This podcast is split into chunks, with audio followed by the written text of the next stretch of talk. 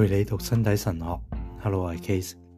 我哋今日继续呢个环节嘅讨论，讲到登山补训，特别系呢一句：凡系诸事妇女而贪恋佢嘅，佢已经喺心入边咧奸淫咗佢啦。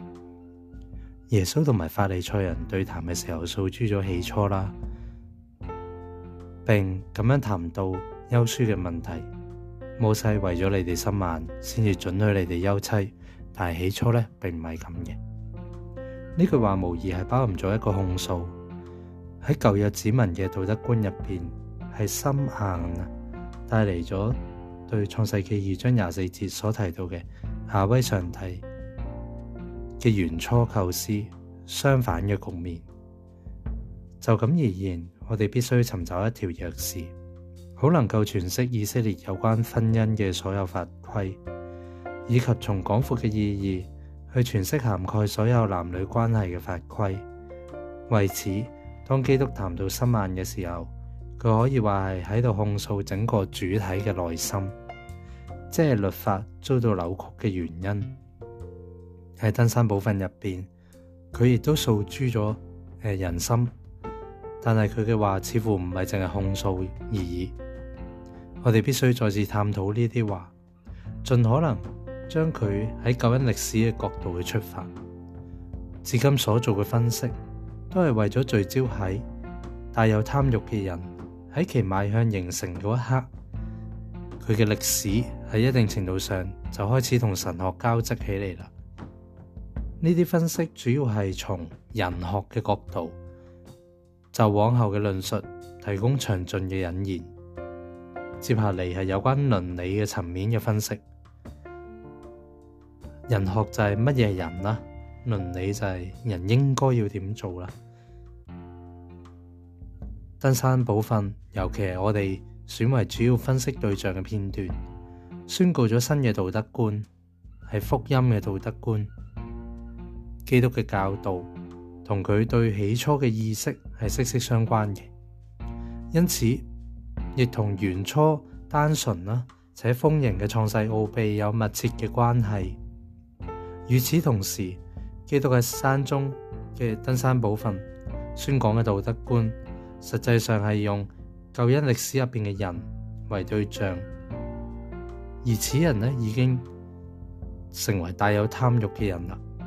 事实上，全人类都继承咗三重嘅贪欲，而且人心的确系沾上咗咁样嘅贪欲。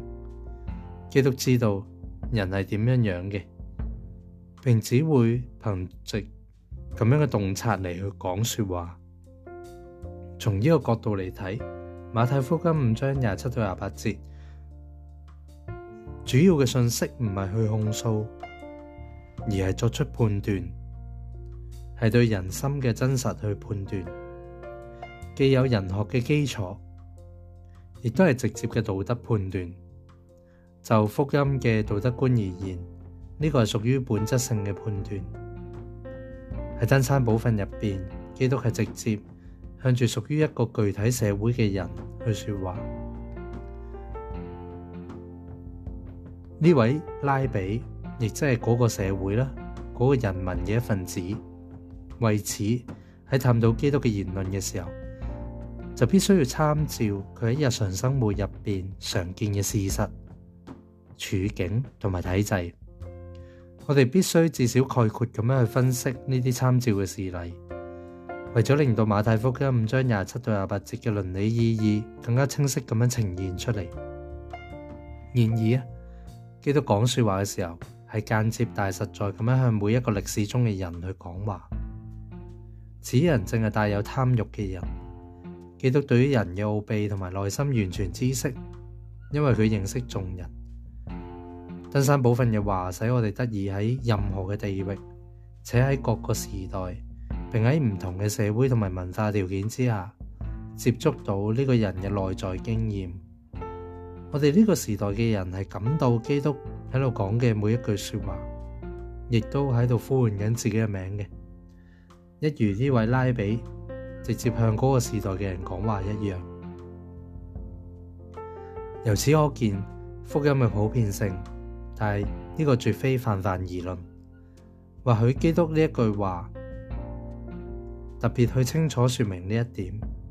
因住佢嘅说话，身处每个时代同地点嘅人都感受到蒙受呼召，而且系一种恰当具体唔能够重复嘅呼召。咁系因为基督净系诉诸人心，而心呢，并唔系一个泛论嘅题材嚟嘅。凭住心呢个范畴，每一个人都系独一无二嘅，更胜于佢嘅名赋予佢嘅独特性添。因为人心咧系具有独一无二同埋唔可以重复嘅特质嘅，并按住佢出于内在嘅人性去被界定，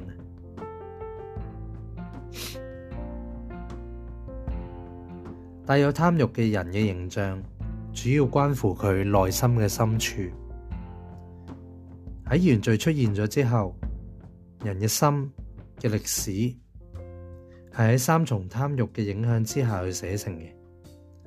喺各種嘅歷史文件入边，三重貪欲亦都伴隨住道德意義最深層嘅形象。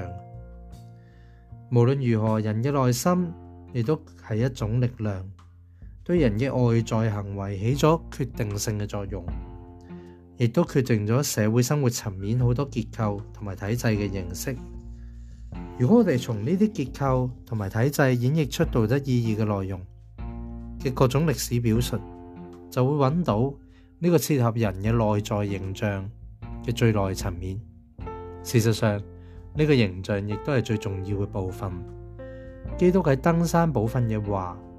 无误咁样指出咗一个事实，任何有关人嘅道德观嘅研究都唔可以漠视呢一个事实，就系基督嘅话咧演绎出道德意义系切合人嘅内在形象嘅。因此，我哋之后嘅讨论探讨就将会尝试更详尽咁去分析基督嘅话，就系你哋一向听听到过唔可以奸淫，我却对你哋讲。凡注事妇女而貪戀佢嘅，佢心入边咧已經奸淫咗佢；或者佢亦做，佢心入边已經將佢視為通奸對象。為更清楚理解呢一段經文咧，我哋先會獨立去分析各個部分，跟住之後咧就會獲得咁更加深入嘅總覽，一次過去睇晒。咁我哋唔單止會提到當時咧親耳聆聽登山補訓嘅聽眾。亦都盡可能去論述我哋今日啊呢個年代嘅聽眾，亦即係我哋呢個時代嘅人。咁今次咧就係從一個誒倫理道德嘅層面咧去展開探討嘅一個前言啦。咁之後我哋就會繼續讀落去。